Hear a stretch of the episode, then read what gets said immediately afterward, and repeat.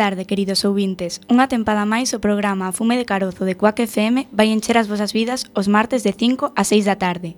Lembrade que o noso é o programa de radio promovido polo equipo de dinamización da lingua galega do Colexio Calasances Colapios da Coruña e que leva emitíndose dende o 5 de maio de 2009. Así que, se botades contas, veredes que este é o comezo da nosa undécima tempada completa. Hoxe atopámonos aquí para facer un balance e presentación xeral das principais actividades que nos van ofrecer varios grupos de traballo que se crearon hai pouco tempo no noso centro, nomeadamente por este orden, actividades de recreo, comunicación, convivencia e innovación pedagóxica. Como poderedes comprobar, no noso centro non paramos tranquilos e sempre estamos agallando actividades para que o noso alumnado viva unhas fermosas experiencias escolares. Hoxe o programa será presentado por dous locutores de segundo de bacharelato, Antía Buján Bravo e Brais Martínez Iglesias, Audiencia, podemos vos asegurar que estades nas mellores mans. Antes de comezar a debullar os contidos de hoxe, poñeremos algo de música que correrá a cargo de diferentes grupos galegos. A primeira canción, titulada Segunda División, permitirános escoitar unha voz que soou moitísimos anos no noso colexo, pero que marchou hai pouco, a do cantante Alexander Charlon, liderando o magnífico grupo Ataque Escampe. Deixamos vos con esta maravilla. Uh, de que imos falar, señor? da supervivencia, da vida, do amor, da morte, do sexo, do matrimonio, da rebeldía.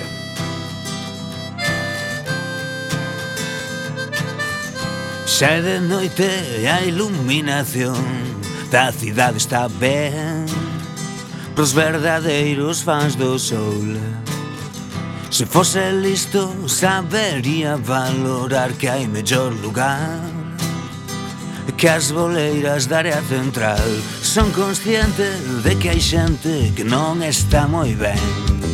Estamos xuntos na fin do mundo máis unha vez. E pensa intensa que podería ser a nosa festa. Baby, come on. gélidos asumen a existencia como Celta en segunda división Segunda división.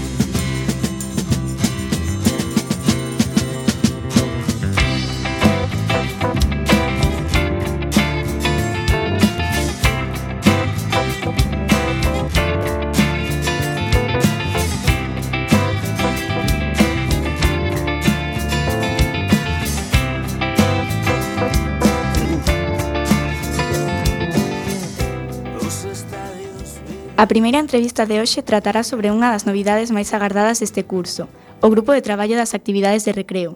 O responsable principal do mesmo será Manuel Losada, o moi experimentado profesor de Educación Física en secundaria e bacharelato. Boa tarde, Manuel. Boa tarde. Fálase de que o comportamento do alumnado durante os recreos é moito mellor cando están entretidos con actividades ou torneos de xogo ou deportes que lles interesan. Que hai de certo niso? A túa experiencia anterior corrobora estes feitos? posi posiblemente mm, sea mellor o comportamento de todos os modos, de todos os xeitos, eh, eu estou notando que nestes últimos anos, pois eh, o comportamento e a atitude dos alumnos é, é moi boa, non hai apenas conflitos, eh, eh, hai, hai bon ambiente. Mm, quizás co, co organización destas ligas, como son ligas eh, internas eh, voluntarias mm, eles eles o, o participar eh, tantos que xogan como, como os compañeiros que van a ver o, o mostrar ese interese estar centrados e atentos nos partidos pois facilita que non haxa pois eh, conflitos non? entón, pois, pois bueno mm, eh, durante a Liga eu estou eh, contentísimo porque eh, levamos a un, tres, catro cursos mm, organizando estas ligas e, e o comportamento é moi bo. Bueno, cales son as principais actividades que se van ofertar neste novo proxecto?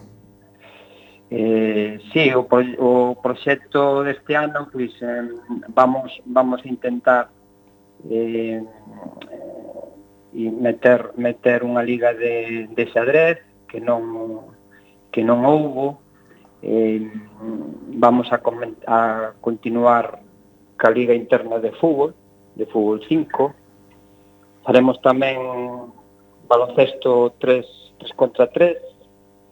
Eh, balomán e voleibol mm, está en estudio. Posiblemente este ano xa tamén voleibol porque vamos a poñer unha, un campo, vamos a, a facer un campo novo de voleibol cunha, cunha red xa fija e, e bueno, esa idea, non? sobre todo no primer trimestre vamos a empezar xa moi pronto, mediados deste mes, co Fútbol 5 e co, co xadrez.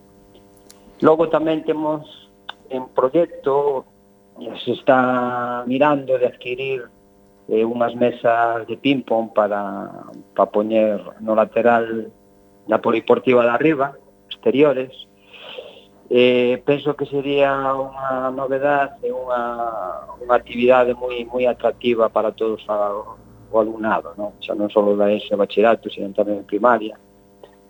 Eh, e, bueno, en principio son estas as actividades eh, que, que vimos intentar programar e facer. Que outros profesores e profesoras van colaborar neste grupo de traballo? Eh, si, sí, o noso, o noso grupo de traballo dos, dos recreos das actividades de recreo está constituído por Marta Díaz e eu, en secundaria e bachillerato, e por outros dos profesores de educación primaria, Alberto Felipe e Jesús Díaz. Bueno, existen actividades de lecer moi variadas que se poden practicar, máis act eh, activas, como deporte, por exemplo, o fútbol, e menos activas, como pode ser eh, o xadrez, por exemplo. Que, benefic uh -huh. eh, que beneficios proporcionan cada unha delas? A ver, eh, o deporte penso que eh, vou responder que non é non é bo nin, nin é malo, vamos a ver. Eh, depende moito o contexto, non? O deporte, estamos falando de deporte educativo, que facemos nos centros, deporte de alta competición, de alto rendemento, onde se xe un adestramento intensísimo. Despois, eh, todo o que rodea o deporte, pois, pode provocar, mm, penso eu, eh, boas actitudes, actitudes positivas para a práctica deportiva, eh, actitudes educativas, pero por outro lado tamén pode xerar eh, agresividade, violencia, influye moito o contexto, non? Pero o deporte en sí eu penso que é unha ferramenta indispensable eh, especialmente para mellorar a saúde, a saúde física, mellorar a forza, a resistencia, a velocidade, as cualidades físicas, non? E logo é un, un ámbito, é un campo moi fértil de, de valores e de atitudes. A través do deporte, pois, eh, se mellora o compañerismo, a vontade por mellorar, autoestima, esforzo, respeto, cantidad de, de valores ¿no? que están que están aí, pero vai depender, desde o meu punto de vista, do, do ámbito. ¿no? Logo, outra parte importantísima que mellora, que empezamos po, po facer deporte, ademais da saúde, a saúde mental, ¿no? O apoio que beneficia, beneficia enormemente ao, ao funcionamento do, do noso cerebro, moi importante eso. Eh, por outra parte, por outro lado, o axedrez, ainda que está considerado polo, como deporte, eu discrepo sobre eso, para min é un xogo de mesa, porque non hai un componente motriz, non hai movimento, para mover unha ficha, pues non teño que facer grandes alardes, non? Eu, eh, eh, sobre todo un xogo de mesa extraordinario, para favorecer habilidades mentales, ¿no? especialmente a concentración, a capacidade de atención, a toma de decisións, que esos son aspectos fundamentais para os aprendizajes. Penso que o alumnado, os alumnos, as alumnas, eh, pois llevan a axudar moitísimo non? Para, para os aprendizajes académicos. Tamén existe o rumor de que hai algúns deportes como o fútbol que, debido a que se golpea un balón con bastante potencia, invaden moitos espazos de recreo e molestan a outras persoas que teñen un lecer máis tranquilo e menos invasivo. Se é así, que se pode facer para que mellore a convivencia entre os diferentes grupos no recreo? bueno, me sempre de, no recreo sempre o, sempre o, o balón, o balón de fútbol, verdade? Sempre anduvo por aí, sobre todo cando hai vai moi arriba, cando golpean arriba e lle cae algún, pois aí empezan os problemas. Quizá mm, eu a solución que vexo aí é sancionar os, os alumnos que fan eso sin recreo e, e intentar que, que non haxa estas, estes problemas, non? E unha vez máis, a organización de, destas ligas facilita que que non haxa este tipo de problemas, non? Pero, pero bueno, hai que convivir con isto, non? Bueno, e xa para rematar, a climatoloxía coruñesa é un gran obstáculo para organizar estas actividades ao aire libre. Ou resulta factible realmente? Bueno, eh, estes anos que levamos facendo, pois tampouco hubo algún, algún día, algúns días que, que, que non se pudo celebrar os partidos, pero, pero bueno, se aplazaron, se fixeron outro momento, tampouco o cambio, o, o cambio climático está favorecendo a que, a que choiva menos, non? Bueno, pois moitísimas gracias por esta entrevista, Manolo. Vale, Agora vamos, vamos. cambiamos de tercio, pero antes escoitemos un pouco da nosa música. Imos escoitar a versión de García Amsí, un dos cantantes de Dios que te criu, fixo do poema Deitado frente ao mar de Celso Emilio Ferreiro.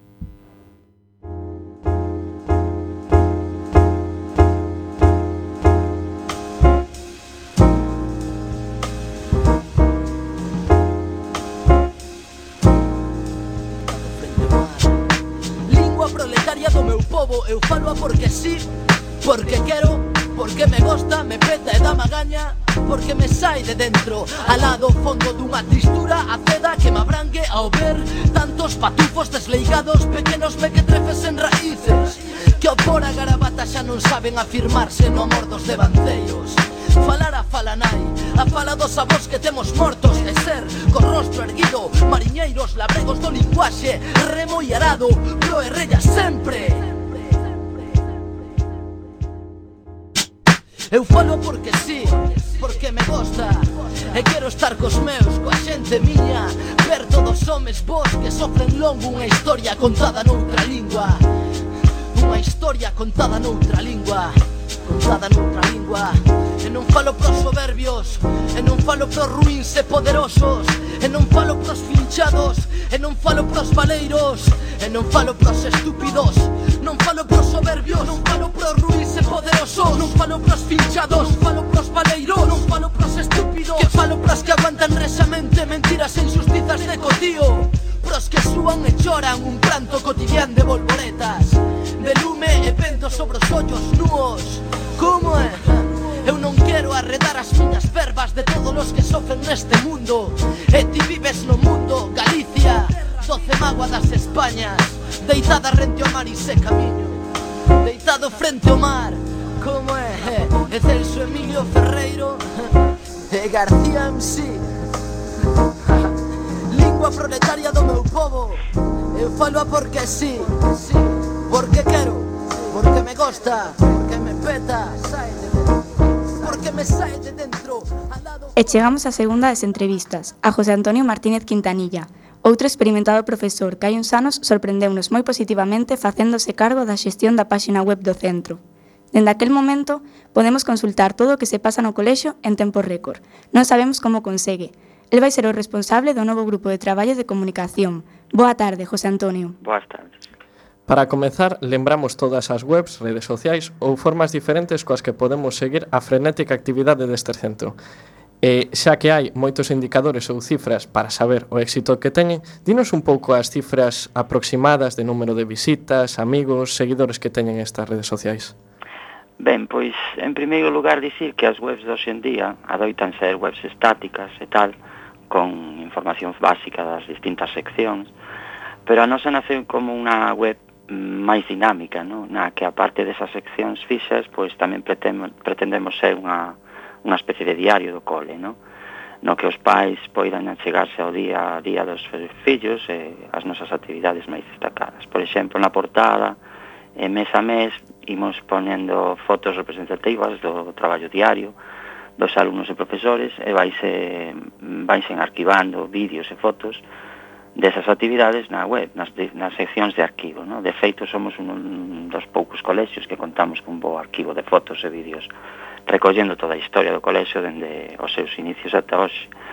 Así mesmo na web pois, temos centralizados as ligazóns ou links ás nosas redes sociais, nas cales tamén vemos esta actividade diaria. No? Temos un Facebook, dende hai xa unos anos, con aproximadamente 2.500 seguidores, É un Instagram que leva algo menos de tempo online, pero completo de 1500, non? Tendo en conta que somos un colexio duns 1000 alumnos, non creo que non chegamos, os datos non están nada mal, non?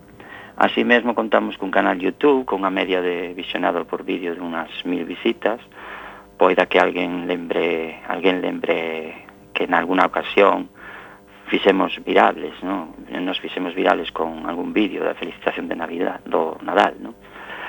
Por outra banda, algúns profesores tamén teñen pois, as súas aulas virtuais e blogs de materia, e o Departamento de Pastoral pois, leva o Twitter con noticias enfocadas nas súas actividades, como o Momento Calasán, por exemplo.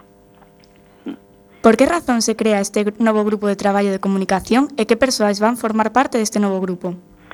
Bueno, pois fundamentalmente para seguir traballando na liña de dar a coñecer as nosas actividades eh, que en moitos, moitos casos son innovadoras, non? os membros do grupo fundamentalmente axúdanme aí onde eu non chego ás veces, non? Como unha especie de captadores de noticias nas distintas seccións, non? Moitos ollos creo que ven máis que un.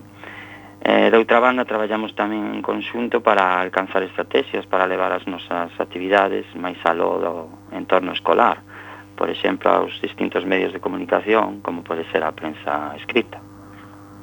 Bueno, dada a gran competitividade actual entre centros, o marketing e a, comu e a comunicación externa eh, ganan cada vez máis peso, que retos se plantexan os colexios neste ámbito?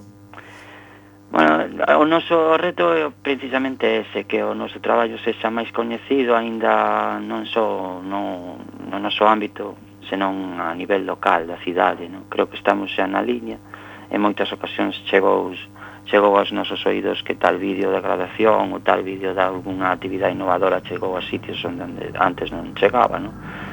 So, eh, iso é o que hai que facer, non? Seguir na mesma liña. Dice que nas redes sociais circulan moitos bulos e noticias falsas. Se un colexo pretende publicitarse por esa vía, que prevencións debe ter con eses perigos?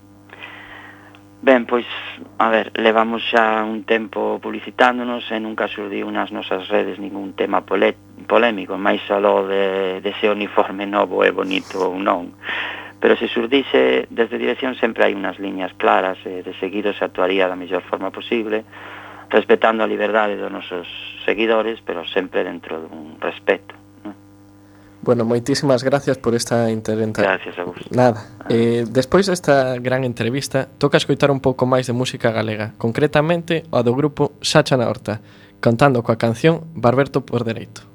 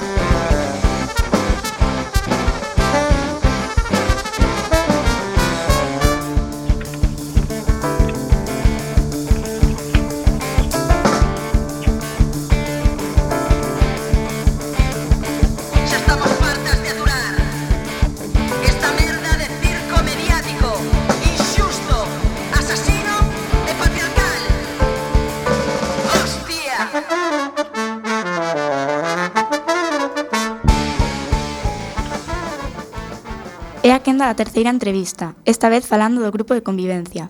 A súa nova coordinadora é Ana Fontán, a quen seguramente coñeceredes máis por ser a coordinadora do Departamento de Orientación. Imos escoitar unha vez máis o seu fermosísimo acento canario falando en galego. Boa tarde, Ana. Boa tarde, grazas por lo del acento. Xa veredes que cada vez falo mellor galego, eh? Sí, sabemos. Sí. Cales son os obxectivos principais deste grupo de traballo para este curso? E que persoas formades eh, ese grupo? Eh, bueno, este ano pretendemos vincular ainda máis o plan de convivencia ao Departamento de Orientación eh, é por isto que, que eu son a nova coordinadora do grupo de traballo eh, a intención é, respectando en todo momento o protocolo de convivencia que ven marcado pola xunta, eh, pois dar tamén saída ao objetivo eh, marcado pola nosa provincia, que é impulsar a atención á diversidade nos centros escolares. Eh, mm, en canto ás persoas, eh, somos 10 componentes do grupo de traballo en total, eu son a coordinadora, e tamén están Carmen, Juan Pablo, eh, Satur, Encarna, Esther, Telmo, Belén Carro, Antonio Varela e Iria, que é a nova compañeira do Departamento de Orientación. Eh, bueno, eh, trátase de que todas as etapas educativas do colexo estean representadas eh, son a maioría de xente eh, xa formaba parte do grupo de traballo do ano pasado, porque tamén queremos que tenga que teña certa continuidade, sabe? No teu papel como orientadora do centro dende hai uns cantos anos, es moitas veces unha das primeiras persoas en descubrir problemas de convivencia no centro, a través dos titores ou directamente do alumnado. Como hai que afrontar esas problemáticas? Bueno, eh, no noso colexo temos ben definidos os pasos a dar en canto ao afrontamento eh, de problemas na convivencia, pero Mm, Isto sempre depende da situación, depende da situación, depende dos alumnos implicados, depende das características eh, de ditos alumnos o, o, o das características do caso, porque realmente non é o mesmo ter que lidiar cunha pelexa por un problema puntual que, que por un problema que, que vende atrás ou que parte dunha situación enquistada no tempo, non? Entón, o afrontamento de problemas de convivencia comeza coa prevención eh, o primeiro paso sempre é eh, traballar en valores nas actividades de titoría, eh, nas actividades comuns eh, ao, todo, a, ao centro, eh, así. Eh, se a pesar de todo chega, chega eh, o caso de producirse un conflicto entre os alumnos, o normal é que a persoa que o detecta, sexa un compañeiro ou sexa outro profesor ou que sexa, eh, deteña a situación como, como poida, eh, como primeira medida, non? eh, eh, luego eh, se informa a los titores correspondientes, eh, a xefa de estudos ou incluso a min se corresponde. Eh, o primeiro que tra tratamos de facer é, é eh, comprender a situación, no? o orixe do problema, que ha pasado, que, que pasou.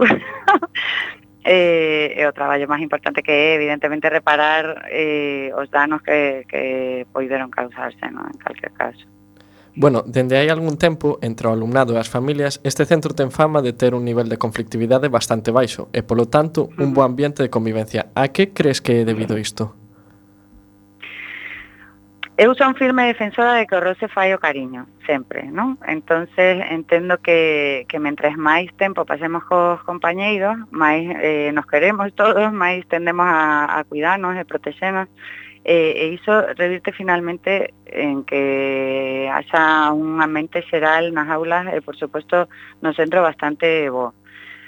Neste centro eh, é máis fácil, no? porque algúns son compañeiros dende os tres anos, eh, en ocasións ata os 18, eh, entonces é fácil coñecer ben a xente, polo tanto quererse. Eh, Eh, bueno, é evidente que sempre existen excepcións, pero xa hai moito tempo que, nosotros, que, que imos desenvolvendo un plan de convivencia no centro que, que vemos que funciona, e por iso mantense. Tamén é verdade que, que procuramos mellorar o curso tras curso en función da, dos distintas eh, problemas ou situacións que poidan darse e que poidan ir eh, completándolo, non?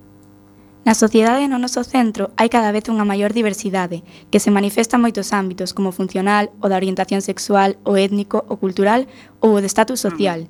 É doado manter un bo clima de convivencia nestas circunstancias? Bueno, como ben dis, o centro é, eh, eh, eu creo que, que por suposto debe ser un, un reflexo ¿no? da sociedade. Eh, a diversidade funcional, sexual, étnica e sociocultural sempre existiu pero o importante, o grandioso do tema é que por fin nos preocupemos todos por darlle aos eh, sentimentos de pertenza e igualdade a importancia eh, que realmente ten, porque porque non é lógico que exista xente que poida sentirse inferior a outra, nin, nin por estas, nin por ningún outras razones, non? Eh, a facilidade ou dificultade de, manten, de mantemento do, do bo clima de convivencia eu realmente non penso que venga que veña determinado pola existencia da diversidade, ¿no? Porque a, a diversidade existe, existe de feito. Eh, eu penso que que ven máis marcado polo pola dificultade en no mantenimento do do respecto ao próximo, ¿no? En este punto eh, de educación en valores e demais, nós sempre pretendemos traballar cos alumnos dende que son moi moi pequenos, eh eh, porque nos mm, damos moitísima importancia á educación en valores que, que fomenta sobre todo a, a boa convivencia, non? un bon ambiente. Bueno, Ana, moitísimas gracias por esa entrevista e polo teu fermosísimo galego, en serio. Moitas gracias. Moitas gracias a vosotros. A vostede. Igualmente. ¿No? Como sí, se dice? A vostede. A vostede. veña, veña, grazas. Hasta logo. Hasta logo. A, e antes de pasar ao último convidado, escoitamos a seguinte canción titulada Eu saio só, interpretada por Brais Morán ao fronte do xa desaparecido Loreta Martín. Veña, todos a bailar.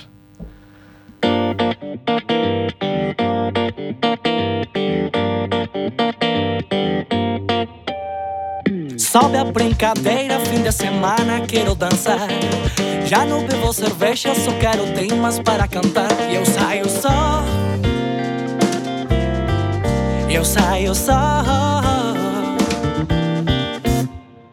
Não me a cabeça se tô contigo em algum lugar. Longe da discoteca, sem melodia, posso voar. Eu saio só. Eu saio só. Eu saio só, não quero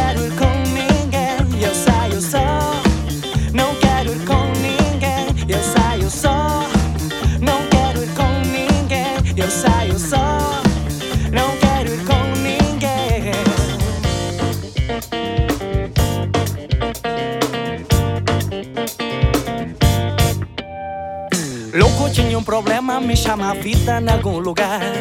Já não tenho a certeza de ir ao cinema ou devagar. Se eu faço meu cinema, os nossos corpos vão reventar. Vou continuar a vida desde o Brasil até Portugal. Eu saio só. Eu saio só.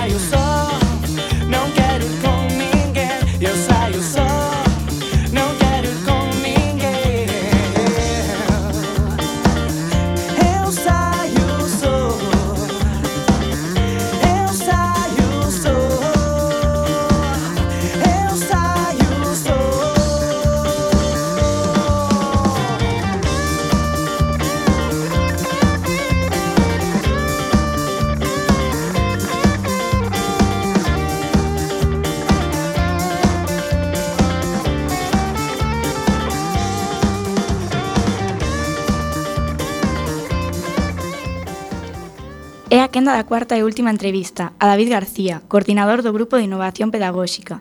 Semella que asumir a dirección de infantil e primaria do noso centro non foi suficiente, así que tamén se responsabilizou desta área, onde todos sabemos que destaca especialmente dende hai anos. Boa tarde, David. Hola, boa tarde, gracias por, por contar comigo neste programa. Bueno, temos moitas ganas de comezar preguntando que sensación estás tendo como novo director de casi 700 alumnos de infantil e primaria do noso centro. Bueno, pois a verdade que mm, están sendo días bastante frenéticos, de moito traballo, de moito goteo, de diferentes situacións no día a día, pero a verdade que con moita ilusión, non? Eu sempre digo que mm, unha das cousas boas deste colexio é que os cargos son rotativos, entón un día desempeñas unha función por un tempo eh, noutro, noutro momento estás noutra parte do colexio desempeñando outra función e bueno eh, neste intre mm, tocame a, a dirección infantil e primaria con moita ilusión. A verdade que eh, o grupo de compañeiros tanto de infantil como de primaria pois xa levamos moitos anos traballando xuntos eh, eu entendo calquer colectivo de traballo como, como se fose un equipo, ¿no? como se fosen integrantes dun equipo deportivo, no que todos temos que remar na mesma dirección, eh, pouco a pouco así as cousas eh, saen para adiante, non, non se podería entender pois a organización dun grupo de, non sei, 74 profesores como somos no colexio, e, e 1.100 alumnos, eh, non se podería entender mm, se só contáramos coas mans mm, do director de turno ou do coordinador de turno, non? Eh, o éxito ou o fracaso do cole eh, pois se sustenta no, no traballo de equipo e no grupo. Entón, A verdade é que estou moi contento porque os compañeiros me facilitan moitísimo as cousas no día a día e ademais pois os alumnos e as familias pois tamén, bueno, temos unha moi boa relación, as cousas polo momento están saindo ben, con moito traballo, un traballo frenético, pero moi ilusionado e, e moi contento. Como resposta o alumnado ás novas técnicas de innovación pedagóxica que se están experimentando no centro e como respostan as familias? Bueno, a verdade é que A innovación no, no centro eh, iniciouse fai xa uns anos, a verdade é que mm, neste sentido temos que agradecerlle moito ao, ao equipo directivo saínte que fai anos apostou por un cambio progresivo porque as cousas teñen que ir pouco a pouco eh, por un cambio progresivo na innovación non? Entón, bueno, pois calquer cambio eh, sempre suscita un pouco de desconfianza, quizáis mm, suscitan dúbidas, pero como foi todo moi progresivo, como foi todo mm, a partir da formación dos propios eh, profesores, pois penso que, que se nos fixo a todos moito máis fácil, no? que o mellor se fora algo imposto dende arriba ou, ou de repente un cambio metodolóxico total. Non? Entón, bueno, eh, penso que tanto o alumnado como as familias tamén se integraron nese cambio progresivo e, bueno, eh, comprobaron nestes últimos anos que as cousas pois eh, cambian pouco a pouco e que os resultados en líneas xerais son vos, non? Penso que a nivel innovación educativa eh, sempre temos que ter na cabeza que é ensaio horror porque moitas cousas eh, pois intentas implantar e non, e non cuajan por as circunstancias do colexo ou do momento entón temos que ir probando non? o importante penso que como colectivo de profesores seguirnos formando ser pois humildes e pensar que, que temos moitísimo que aprender no día a día eh, E de cara ás familias, os alumnos, pois un pouco mesmo, non? As familias, penso que teñen que confiar eh, nos profesionais do colexio e están a facer, e os alumnos, pois, mm, son auténticas esponsas e, e responden moi ben cando, cando o método eh, pois motiva, é un método que fai que, na que os propios alumnos son os, os protagonistas.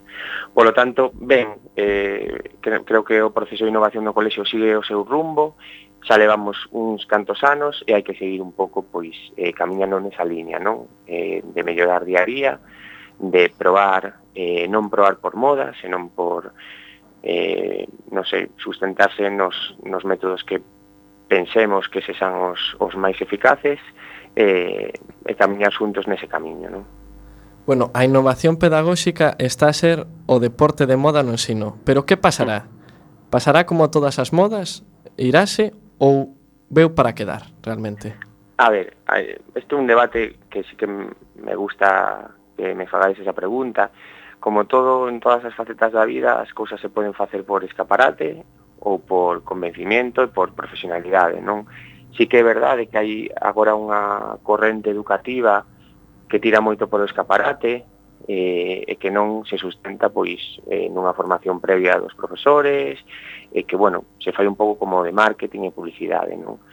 Eh, pero aí estamos os profesionais os que temos que, que decidir cal é a nosa cal é a nosa aposta, non? Se a nosa aposta é a de ser mellores profesionais día a día, e de seguir mellorando, seguir formándonos, eh, seguir reciclando, ver outros métodos. Eh, penso que tamén somos unha profesión que ata hai un tempo era unha profesión un pouco de portas pechadas. Eh, eu sempre digo que mm, pois tiven compañeiros aquí no colexo que mellor xa se subilaron e non tiven a oportunidade de entrar na súa aula e, e ver como daban clase, non? e penso que todo todo esa cultura de portas pechadas ten que cambiar e xa está cambiando, non? Eh, día a día eh, estamos mm, mostrando o noso benfacer, benfacer eh, e penso que é moi bo que, que entre os profesionais de educación, xa se xa do mesmo centro, por suposto, e de outros centros, pois eh, abramos as nosas portas e compartamos boas prácticas e eh, porque así melloraremos todos, non? Entón, bueno, eso vai cambiando, eh, eh, tede razón no que me dicides de que moita xente, bueno, eh, aposta, ten unha aposta pola innovación educativa só como moda ou como publicidade, pero eso non, non é a cuestión, non? Eso non se vai sustentar no tempo se é así, non? Entón, eh, a nosa aposta no colexio é por a formación do profesorado e de buscar sempre os métodos máis eficaces. Eh, de quere chamar innovación educativa? Pois lle chamamos educación, innovación educativa. Eu me gustaría chamarle como profesionalidade e vou facer dos, dos mestres do cole. Que lle dirías a todo ese profesorado que por idade, formación ou outros factores é refractario a innovación pedagóxica e que non confía nestas novas metodoloxías? non son quen de dicirlle nada a, a, a ninguén, non? Eu penso que moitas veces o problema é, é a propia etiqueta de innovación educativa, non? Eu eh, teño compañeiros do cole que foron profesores míos, profesores meus que fan fai 20 anos eh, a súa maneira de dar clases xa era era auténtica innovación educativa, non? Porque tiñan ao alumnado totalmente motivado e totalmente conectado, non?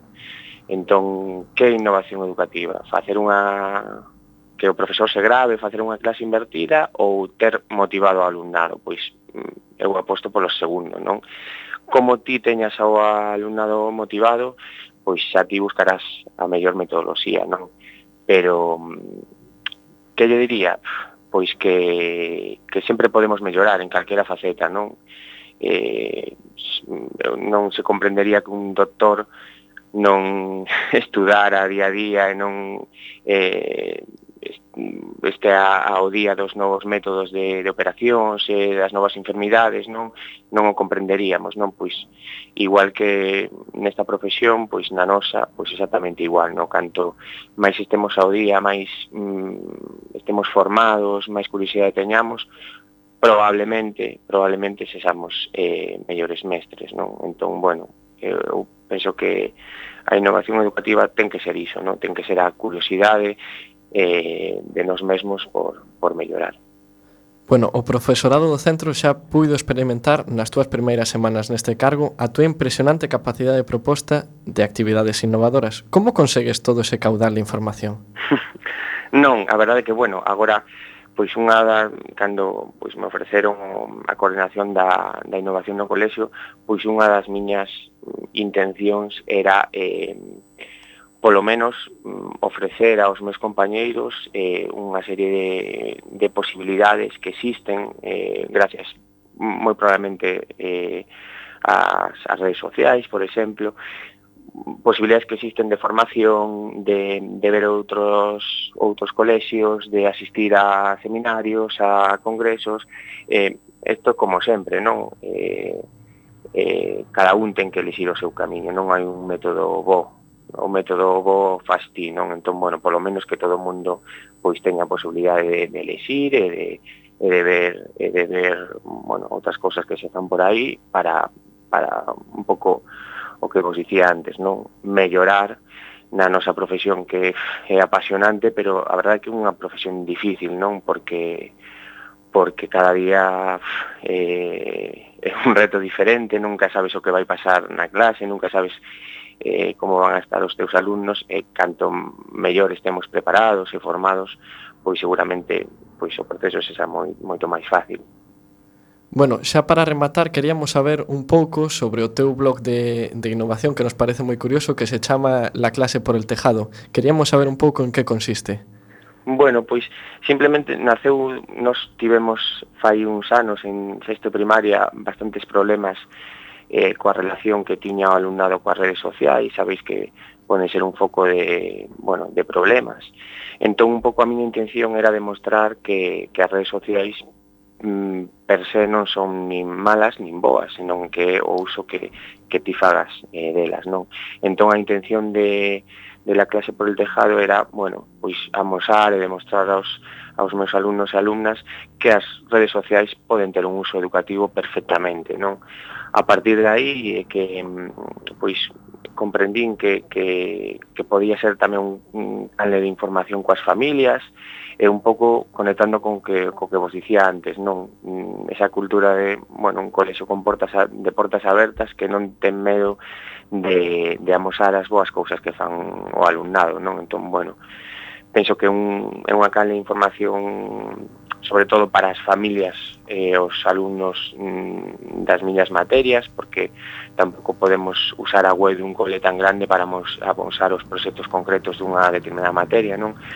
E bueno, esa é un pouco a intención, non? A intención é esa a doble a doble intención que por un lado eh, demostrar que as redes sociais poden ter un uso educativo e amosar todo o bo facer dos, dos meus alumnos e alumnas que moito e que día a día me, me sorprenden. Moitas grazas, David. Pois moitas gracias a vos, a Roberto, eh, que sexa unha temporada moi boa para a Fume de Carozo. Antes de despedirnos, escoitaremos a derradeira canción de hoxe, que será Carmela Baixescado, grupo de punk Ruxe Ruxe. Por favor, non cambiedes emisora.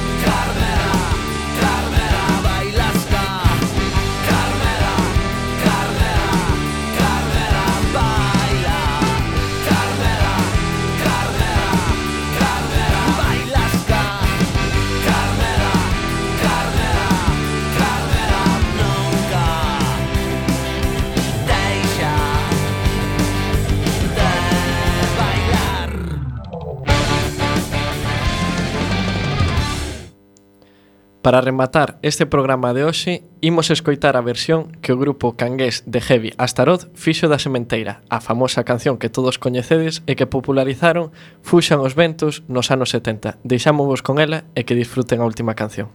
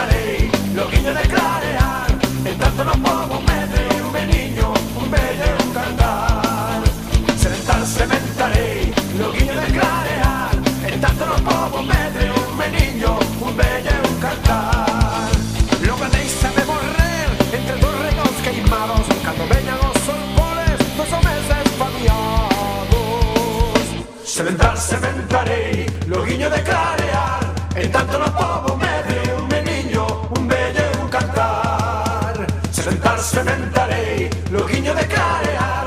En tanto no povo medre